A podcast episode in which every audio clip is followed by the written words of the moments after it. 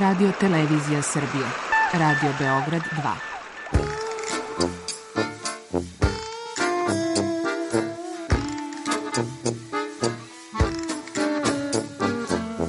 Rekli su mi, gospodine, vi ste promašili temu. Pa ja sam onda promašio život. I ne znam šta će da bude sam. Kaže, ja ne mogu više te čuvam. Šta da ti radi, kaže, snađi se kako znaš. Mi smo kao u kafesu. Za nas to je najmrtvo. To je mrtvo za nas. Naročito. I ja bih želela neko da me usvoji. To bih želela. Govori da bih te video. Program dokumentarnog zvuka.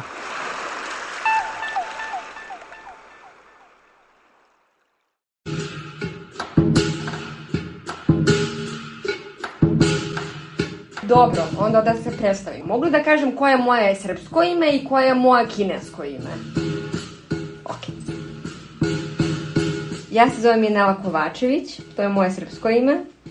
Imam i drugo ime kinesko koje glasi Yang Aila.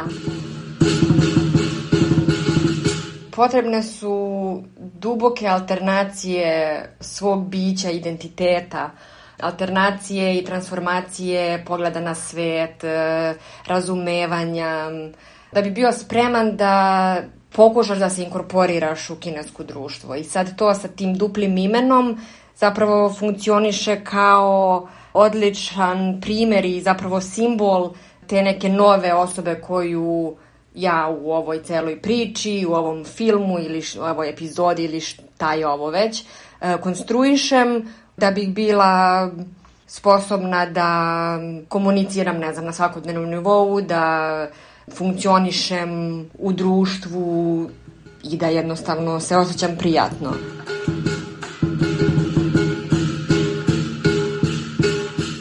E sad, obzirom da je moje ime originalno srpsko bilo poprilično teško mojim studentima ovaj, za izgovor, onda smo smislili pojednostavljeno englesko ime koje je skraćenica od Inela pa je dakle zvučalo Ela e, što su onda moje koleginice i moji prijatelji odmah e, pretvorili u dva kineska karaktera pa po kineskom izgovoru moje ime zvuči Ayla. E sad, taj deo imena je, da kažem, samo nadenut ili recimo je e, bila kao tranzicija mog engleskog imena u kineske karaktere i kineski izgovor, ali zanimljivo je to dobijanje prezimena.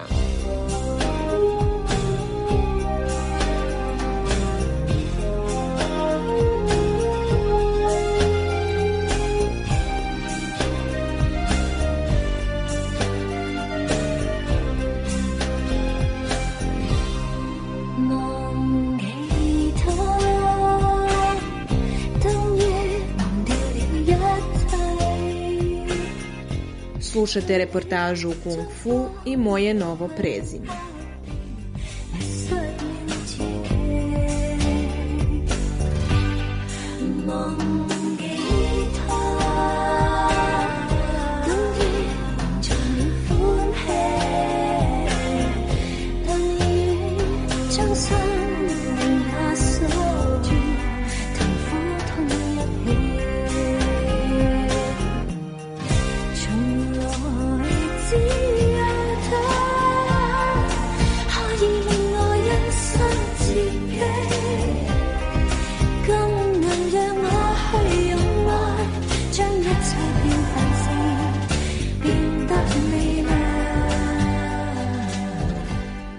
Gradu postoji nekoliko tih kao očuvanih e, četvrti koji oni kada se prevede na englesi se zovu kao villages. I sad e, kako ta sela, kako ti villages izgledaju, tako što imaju kapije na, na, na, dva, na dve strane, na istoku i na zapadu ili na jugu i na severu, koje zapravo predstavljaju ulaz u grad, odnosno u selo i izlaz. I obično na vrhu te kapije stoji ime te četvrti, to je tog sela, ispisano na tradicionalni način. Znači, čita se sa desna na levo, ako je tradicionalno napisano. Kako ja to razumem? To su ranije bila sela dok se nije desila ta velika ekspanzija i, i ne znam, ekonomsko napredovanje grada, jer ovaj grad uh, je izgrađen u prethodnih 40 godina. Ako pogledaš fotografije Džuhaja od pre 40 godina, vidjet ćeš ništa. Vidjet ćeš verovatno neku samo njivu, poljanu i tih par community, to je tih par sela. Ono što je zanimljivo je da, da, da te zajednice, oni čini mi se da se trude da očuvaju svoju tradiciju.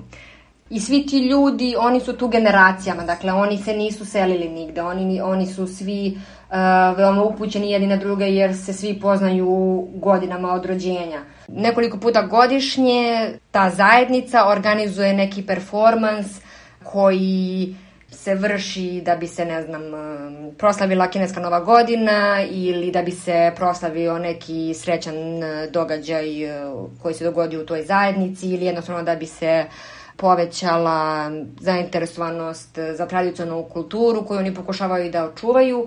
Uglavnom, desio se jedan od tih performansa i ja sam se slučajno zadesila u tom delu grada videla sam taj performans koji je zapravo bio kung fu i lion dance performans. Sad kad kažem lion dance, nekako jako mi je teško da prevedem, ovaj, ali da, njihov tradicionalni ples lavova, recimo tako da ga nazovemo. Uh, sasvim slučajno sam to videla, privukao me je taj neverovatan zvuk cimbala i, i mm, bubnja.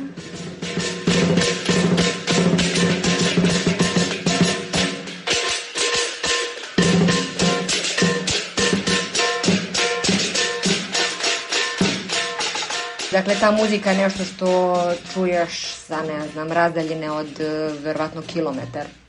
Ja sam bila potpuno oduvana time što vidim i onda sam čekala ovaj, da se to, da se ceo taj performans završi i onda sam uh, bila dovoljno hrabra da priđem jednom od članova i da im kažem da sam ja oduševljena i da ja želim da naučim više o tome i super je što su oni bili otvoreni što su odmah e, mi dali pozitivan odgovor i rekli da, da, obavezno, slobodno nam se pridruži sledećeg petka, mi smo ovde u tom hramu koji je zapravo, e, pa mi to zovemo hram, ali to je hram predaka, recimo, tako, tako bih ga prevela.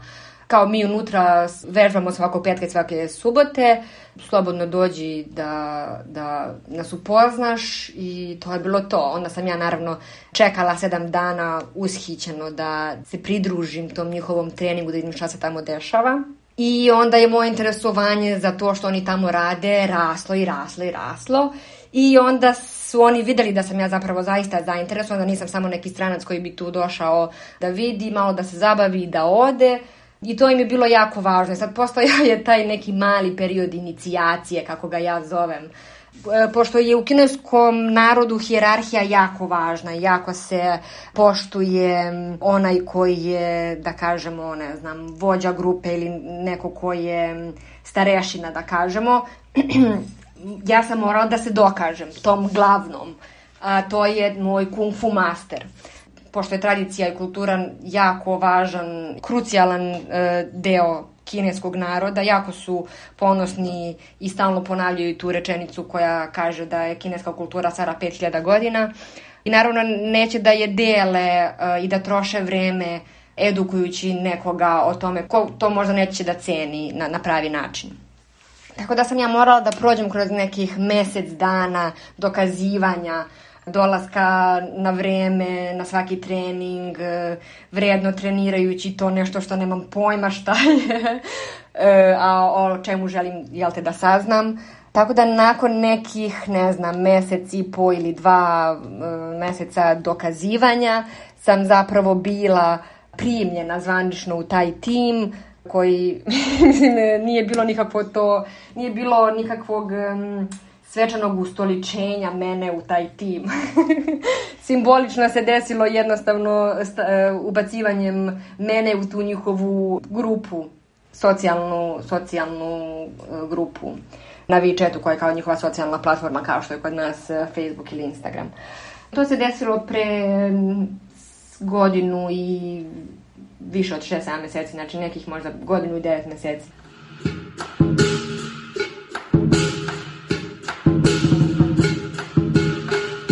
Kad kažemo ta zajednica i ti ljudi koji e, su stalni članovi tima, oni su svi rodbinski povezani, oni svi potiču od istog e, pretka, znači svi potiču od tog jednog e, revolucionara koji se prezivao Yang. I ceo taj hram, taj Ancestor Hall se zove po njemu dosta njih u ovom mom kung fu i lion dance timu su zapravo svi, svi su rođaci, dakle svi imaju neke konekcije, ne znam, prvo, drugo, treće koleno, ali svi se poznaju jako dobro i svi su upućeni jedni na druge i ne samo da su, da kažem, to rodbinski, da imaju rodbinske veze, nego su i jako dobri prijatelji. Mislim što je logično jer kao to su ljudi sa kojima su odrastali, koji, koje poznaju otkazano za sebe. Pošto sam ja tu došla kao neko sa strane, ali se ispostavilo da sam jako lepo prihvaćena i da smo eto postali odlični prijatelji, oni su rešili da mi daju eto da mi poklone svoje prezime i da to A i La zapravo bude celokupno i sveobuhvatno sa sve prezimenom koje će, eto, ako me neko u, u gradu pita kako se zovem i prezivam, ja bih onda na kineskom rekla Yang A i La, pa bi onda oni možda pretpostavili da sam ja iz tog dela grada. Mislim što je malo ovako absurdno obzirom da sam stranac i da zapravo ne potičem iz, iz tog ovaj, za, za, ne potičem zapravo zaista iz tog predela, ali eto, zanimljivo je kako se cela ta priča oko prezimena razvila i kako su zapravo oni bili um, kako su oni zapravo bili, ne znam, jako prijateljski nastrojeni i toliko, da kažem, otvoreni da eto, podele svoje prezime sa nekim ko dolazi uh, iz totalno drugog dela sveta, iz druge tradicije, iz uh, druge pozadine, znači neko ko je potpuni vanzemaljac u njihovom uh, tom malom selu.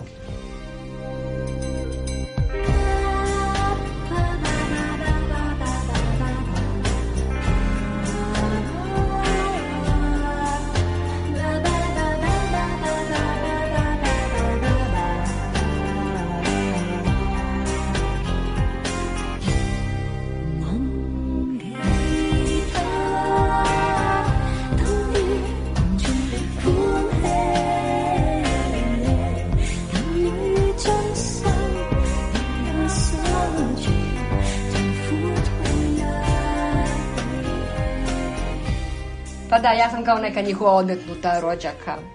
I nekako čini mi se da se dešava ta odlična razmena znanja i običaja i tradicija. Jako je zanimljivo nakon, nakon svakog treninga, to je, to je tradicija unutar e, tradicije, to jest e, kao običaj koji se zapravo stalno uh, ponavlja. Nakon svakog treninga uh, kada se skupe kung fu rekviziti, kada se skupe kostimi potrebni za lion dance i ostalo, bez obzira koliko smo znojavi, umorni ili koliko nas bole mišići od treninga, vadi se okrugli sto, plastične stolice, naručuje se hrana i onda imamo oni to zovu ponoćna večera, koja se zapravo stvarno dešava u ponoć kao druga večera. I onda se ovaj, donosi neki alkohol i sedi se i onda se priča, ne znam, priča se o raznim stvarima, o, o planovima budućim, o nekim dešavanjima koje su propratila prethodnu sedmicu ili tako nešto. Dakle, postoji taj obavezan deo gde se mi zapravo družimo. Znači, na treningu se lepo trenira i uči se i master je tada vrlo često strog i onako predstavlja sebe kao velikog snažnog kao veliki snažni autoritet, što zapravo stvarno jeste. I onda se tu onako jasno vidi ta hjerarhijska lestvica gde on uživa poštovanje svih um, uh, ljudi koji su u, tim, timu koji ovaj, tu treniraju. I onda ovaj, kada se trening završi, onda nekako svi sedamo za toj okrugli sto i onda se družimo na nekom onako malo prijateljskijem nivou pričamo i da onda se dešava ta razmena. Recimo ako e, se slavi nečiji rođendan, onda se skupi još više ljudi, ne samo ljudi koji su aktivni članovi koji, koji se bave, e, koji treniraju, nego dođu i ne znam, drugi rođaci, roditelji, prijatelji, momci devojke od, od članova tima i onda se pravi velika zabava. I sad te velike zabave su uvek propraćene velikim količinama alkohola i naravno kada su ljudi pod dejstvom alkohola onda su naročito otvoreni i slobodni i ta, to je moment kada se dešava ta najbolja razmena običaja i, i tradicija. Recimo, ja bih pustila, ne znam, neku srpsku ili evropsku ili stranu muziku, vrlo često trubače. Ispostavilo se da uh, kineski moji prijatelji obožavaju trubače, tako da bismo ovaj, pustili trubače i onda bismo ja i par mojih uh, srpskih prijatelja se potpuno otkačili, popeli se na sto, dobro, do duše samo bih se ja popela na sto, ali oni bi me pratili I onda bi kinezi bili potpuno u, u čudu, kao šta se sad ovo dešava. E sad, postoji moment kada se recimo desio konflikt, da je to nešto što je neprihvatljivo jer je okrugli sto sveta stvar za kineze, to je mesto gde se se ruča, gde se obeduje i kao to nije mesto za nečije patike. Ali, mislim, takve komentare i takva, takve stavove zapravo nisu tako česti, zapravo je to bio jedan usamljen slučaj od osobe koja je onako baš tradicionalno, patriarhalno vaspitana. Ovi ostali su svi nekako, ne znam, iznenađeni su, ali ovaj su i vrlo srećni jer kao vide nešto novo. Onda, s druge strane, i ja isto vidim neke njihove tradicije njihove načine, načine slavlja. Recimo, obično nakon nekog uspešnog performansa, Iako smo dakle proveli ceo dan lupajući bubanj i cimbale i hodajući oko celog tog e, sela, tog, e, te zajednice i nakon nekoliko sati, dakle tog lion dance-a ili kung fu performansa ili šta god se dešava, i dalje bismo imali energije da uh, donesemo sve stvari, odložimo kostime i rekvizite, ali ostavimo te muzičke, da kažem, instrumente, taj glavni bubanj i cimbale i gong i da onda besomučno lupamo u taj gong i u, u te instrumente i da stvaramo tu fantastičnu muziku do, ne znam, ono, do 2-3 sata u noć. Kada se, da kažem, zatvore vrata hrama, kada publika i posetioci ostanu sa druge strane, mi i dalje slavimo na isti način, znači i dalje uh, se dešava neki lion dance ili ponovo se dešava kung fu performance i, i muzika i to je zapravo njihov način slavlja.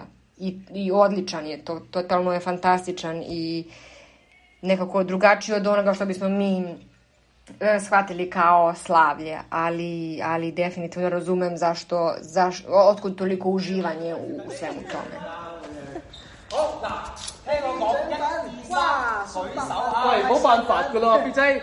喂，啲局限系局限于唔实听广东话嗰啲噶啦，系合啲噶啦。唔系，唔知佢讲北山话啦，喂。 Iako je mandarinski jezik ovde oficijalni jezik, kantonski je drugi jezik, ali u školama se insistira da se uči na mandarinskom. Zanimljivo je da i ta sela imaju zapravo svoj poddijalekat. Nesrećna stvar je to što sam ja, da kažemo, član te bejšanske zajednice. Bejšan je naziv tog, tog sela, te zajednice.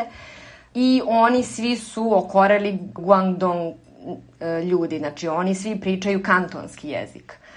I onda kada sam ja tu, trude se da pričaju mandarinski da bismo mogli da komuniciramo.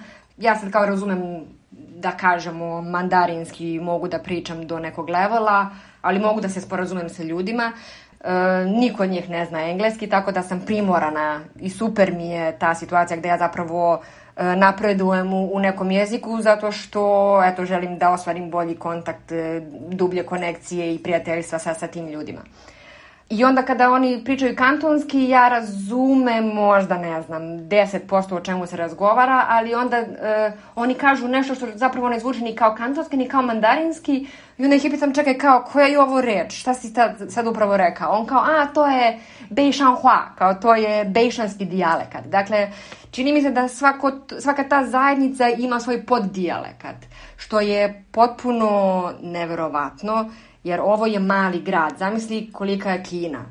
I zamisli kada ti neko kaže da je sreo drugog Kineza, ne znam, ovi sa severa i ovi sa juga, oni vrlo često se ne razumeju, iako dolaze iz, iz iste zemlje. 嗰日制到我去睇你。之前仲多啊，不过又唔够晒嘅。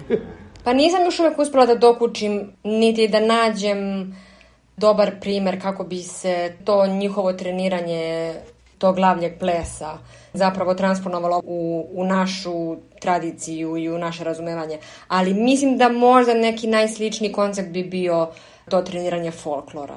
E sad, pošto su kung fu i taj lavlji ples zapravo neodvojive stvari, ne možeš da, da počneš sa lavljim plesom ukoliko nemaš osnovu kung fua, U tom smislu je malo drugačije jer dve komponente čine jednu.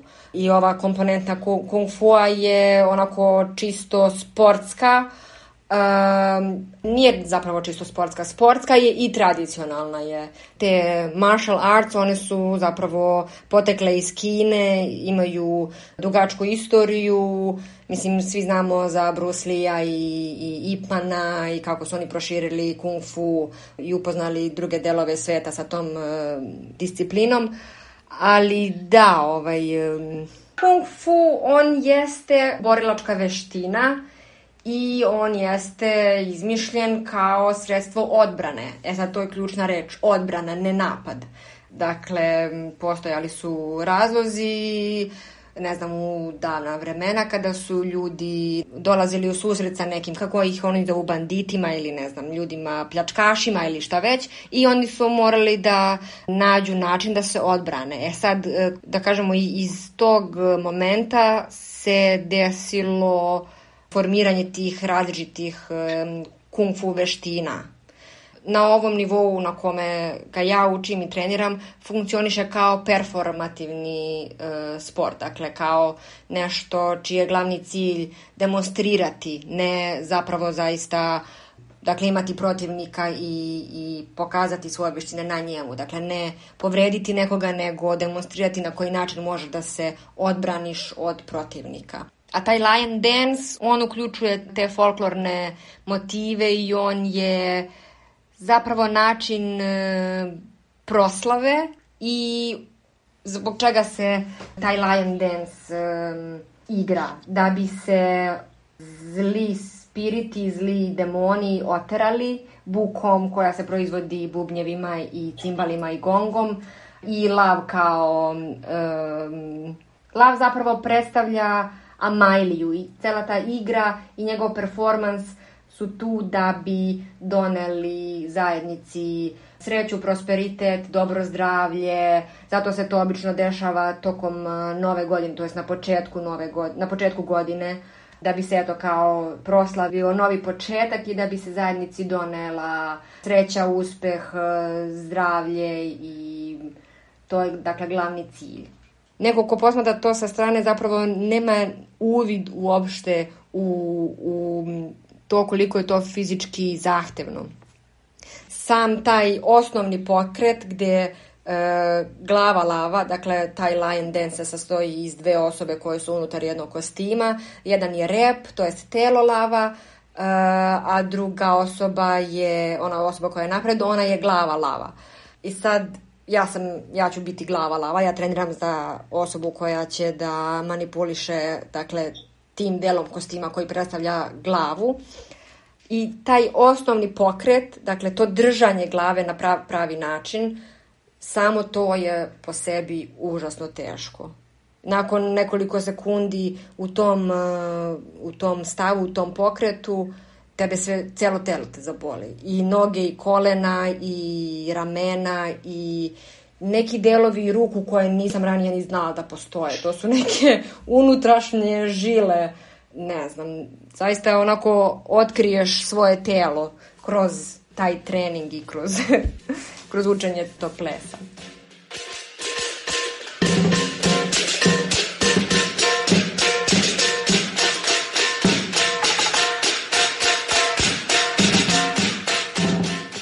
Naravno nisam ostvarila isti kontakt sa svima, sa nekim sam postala čak i prijateljica.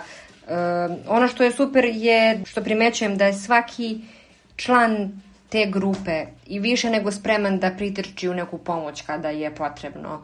Možda absurdan primer, ali ne znam, nedavno smo se preselili iz jednog stana i bio je neki mali problem sa gazdom koji se naljutio jer smo kačili neke slike na zid pa smo kao malo ovaj, oštetili zid.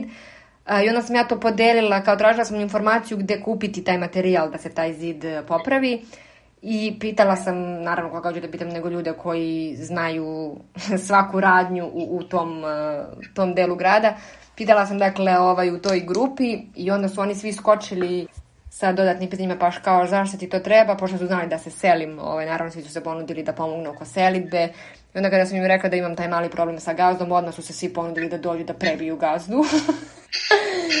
ovaj, tako da da, ovaj, ne, ne samo kada je neki konflikt u pitanju, nego ne znam, recimo drugi primer, desilo se da je naša, da su pronašli mogući kontakt nekoga ko je bio u kontaktu sa nekim ko je bio u kontaktu sa nekim ko možda ima koronu, pa su izolovali celu zgradu i bili smo zatvoreni na dan ili dva, nismo mogli kao da, da izađemo, da napustimo stan, niti zgradu, niti garden. Pa su oni to naravno odmah saznali i odmah se njih troje četvoro ponudilo da dođu, da mi donesu hranu, da dostave šta treba i ostalo. Dakle, vrlo su, funkcionišemo odlično kao grupa i ja se osjećam kao ravnopravan član te grupe. Ja sam naravno tu da pomognem njima kada je nešto potrebno i tako, mislim, posećujemo se, kao što sam rekla, zajedno slavimo rođendane, zajedno idemo na večere kada je neki događaj. Dakle, na, na, na tom nekom nivou funkcionišemo. E sad, meni je naravno jako pomoglo da shvatim kako kineski narod funkcioniše kroz to što vidim u timu. Ne znam, dosta predrasuda je recimo srušeno. Mislim, mi imamo uh, ono mišljenje kao da kinezi ne sumnjaju autoritet, da slepo poštuju sve što im je rečeno, da, da poštuju pravila. Međutim, sada vidim iz ovog iskustva da to nije uvek tako. Ono što je bitno razumeti da verovatno u, u, da su da su oni slobodni da izraze nezadovoljstvo prema recimo governmentu, prema vladi ili nekim njihovim odlukama, da iznesu svoje nezadovoljstvo u okviru svoje grupe, dakle okruženi prijateljima na svom sigurnom mestu. Ta sloboda govora ili e, slobodno širenje iskazivanje nezadovoljstva, recimo. Oni to čine uglavnom kada su e, okruženi ljudima kojima veruju. Ne bi verovatno bili toliko slobodni da govore nešto veoma e, suprotno od onoga što se od njih očekuje recimo u nekim velikim grupama. Ali Da, ovaj, sama, sama ta činjenica, kao što sam rekla, to što smo oni primili u tu grupu i što mi funkcionišemo zajedno već eto koliko dugo, nekako ruši tu predrasudu da oni odbacuju sve što je strano, sve što je nepoznato, nego ne, nekako govori baš nasuprot tome, da su veoma otvoreni i da žele da nauče e, dosta stvari o tome šta se dešava van jer možda neće biti u prilici da odu, da vide, ne znam, neki drugi deo sveta. Tako da ja sam tu kao neki transmiter tih informacija.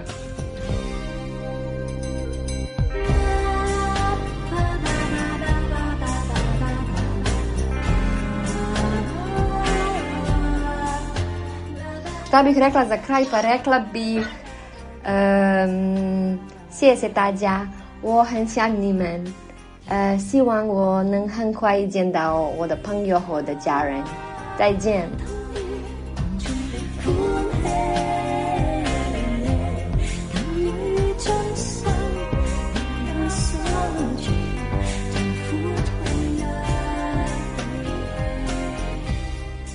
Da, to bih rekla, to znači da kao hvala svima, to obožavaju da kažu to kao sjese tađa, to im je omiljeno na početku svakog i na kraju svakog razgovora i da mm, mi dosta nedostaju prijatelji i porodice da se nadam da ću uskoro da vas vidim.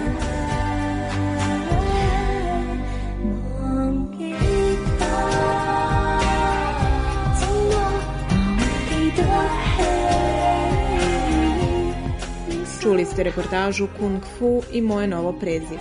Govorila i Nela Kovačević. Autor Milena Radić.